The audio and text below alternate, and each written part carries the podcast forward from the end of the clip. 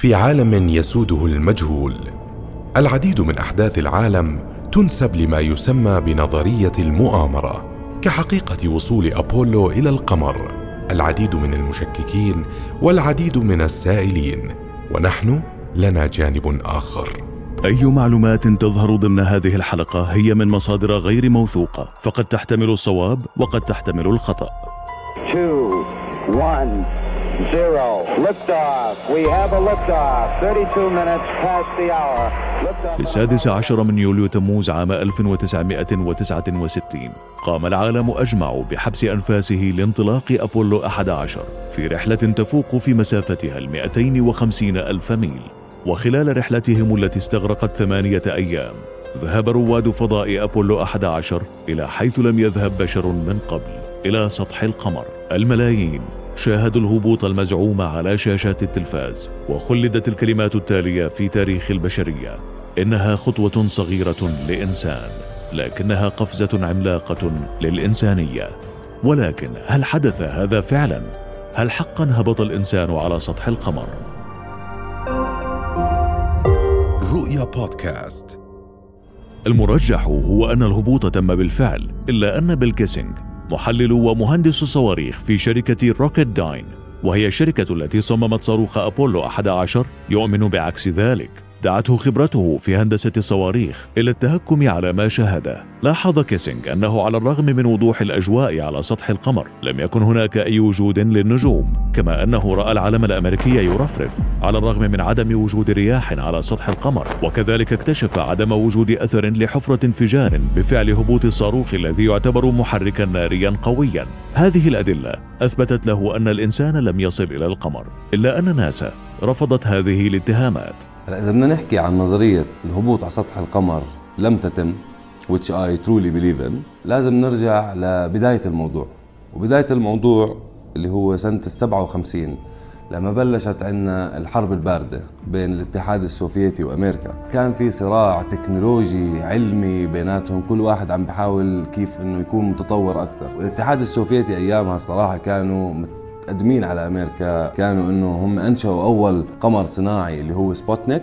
زائد إنهم طلعوا أول رائد فضاء اللي هو دار حوالين المدار الخارجي للأرض اسمه يوري جاجارين فضربتين على الراس وجعتهم لأمريكا. فبناء على هذا الحكي قاموا بفبركة موضوع إنه الهبوط على سطح القمر عشان يستعيدوا هيبتهم قدام العالم الخارجي وقدام الاتحاد السوفيتي بالذات. يعتقد العلماء أن الإمكانيات التقنيه الموجودة وقتها لا تسمح بالوصول إلى القمر، والدليل عجز ناسا عن تكرار الحدث بعد نصف قرن، على الرغم من التطورات الهائلة في مجال التكنولوجيا، كما يزعم أن تصوير هذه العملية من أولها لآخرها حدث في صحراء نيفادا، وتحديدا في منطقة عسكرية حساسة تسمى المنطقة 51 يمنع أي شخص من الاقتراب إلى هذا المكان. في عام 1968 أخرج ستانلي كوبريك فيلم اسمه Space Odyssey 2001 قبل سنة بالذات من أول هبوط على سطح القمر. من كتر ما كان ال visual effects بفيلم Space Odyssey رائعة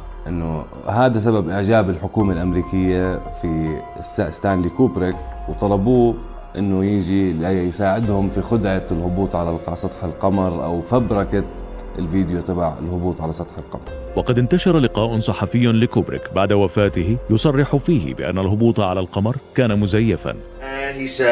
أخبرني بأن الوقت قد نفذ وإنه يجب علينا فعل ذلك. ولكن لا نستطيع إنه مستحيل. بعدما شاهدنا فيلمك أنا وفريق ناسا مقتنعون. إنه بمقدورك مساعدتنا لإقناع العالم بأننا ذهبنا إلى القمر. وأشار إلى أن الحدث تم افتعاله لتحقيق رغبة الرئيس الأمريكي الأسبق جون كينيدي وهي الوصول إلى القمر والفوز بسباق الفضاء ضد الروس. ومن المعروف أن ناسا قد قامت بإهداء كوبريك العدسة الفائقة السرعة التي صممتها شركة كارل زايس خصيصا لناسا لتستخدم في عملية أبولو 11 والجدير بالذكر أن كوبريك استخدمها في فيلم باري ليندون ليصور مشاهد أضيئت بالكامل بأضواء الشموع. ومن ثم قام بكسرها للتخلص منها بعد الانتهاء من تصوير الفيلم. هل كان الصراع على التقدم العلمي سببا كفيلا لإنتاج أكبر مسرحية في تاريخ البشرية؟ والجواب هو بالتأكيد فصراع العلم هو صراع على القوة. من يملك العقل يملك العالم. لطالما كان شغف الإنسان بالفضاء محط اهتمامه لما يحمله من سحر وعالم خفي. ولكن هل فعلا يوجد كائنات فضائية؟ في شبابه تزايد اهتمام الاسكتلندي جاري ماككنن بالكائنات الفضائية وانضم للمؤسسة البريطانية للأبحاث المتعلقة بالفضائيين وأمضى حياته بشكل طبيعي إلى أن قام بأكبر عملية اختراق عسكري في التاريخ كاشفا عن أكبر سر تخفيه الولايات المتحدة الأمريكية. كانت معرفة جاري بهذا السر سبب مطالبة الولايات المتحدة بسجنه لمدة ستين عاما في معتقل غوانتانامو وكانت كذلك السبب في إطلاق سراحه بشكل غامض. فما هو هذا السر؟ يزعم بأنه كان يبحث عن أطباق طائرة ولكنه الآن قد يحاكم بقضاء ستين عاما في السجن الأمريكي. كان جاري يبحث عن أدلة تفضح التستر على الأجسام الطائرة المجهولة والكائنات الفضائية. وكان يعتقد أن أمريكا تتعاون سرا مع الكائنات الفضائية وأنها تمتلك تكنولوجيا متطورة من أسلحة ومركبات فضائية ما يمكنها من السيطرة على العالم والتفوق في حرب التكنولوجيا العالمية.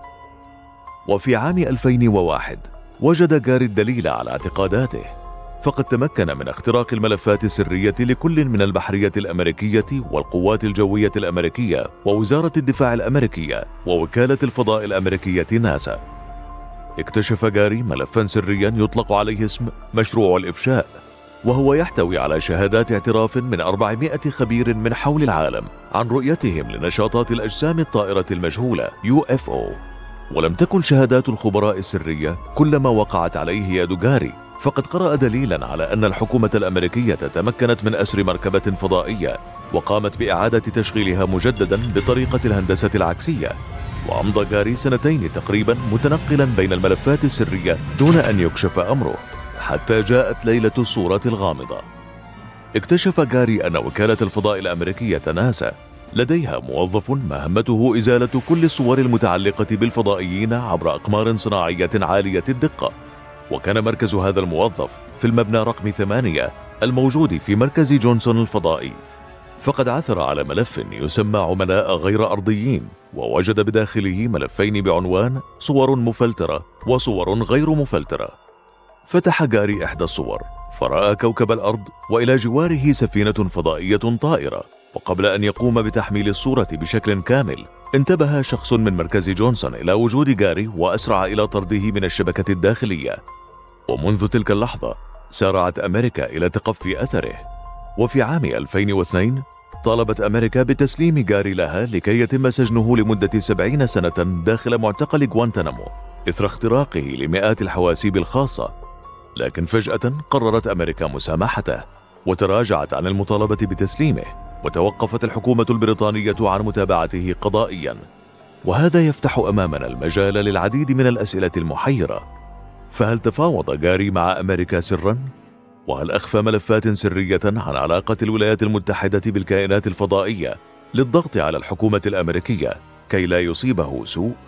ما السر الذي اكتشفه جاري وأخفى تفاصيله لينجو من جحيم غوانتانامو؟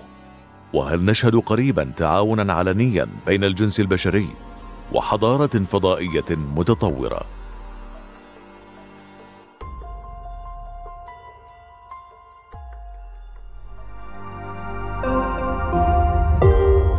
بودكاست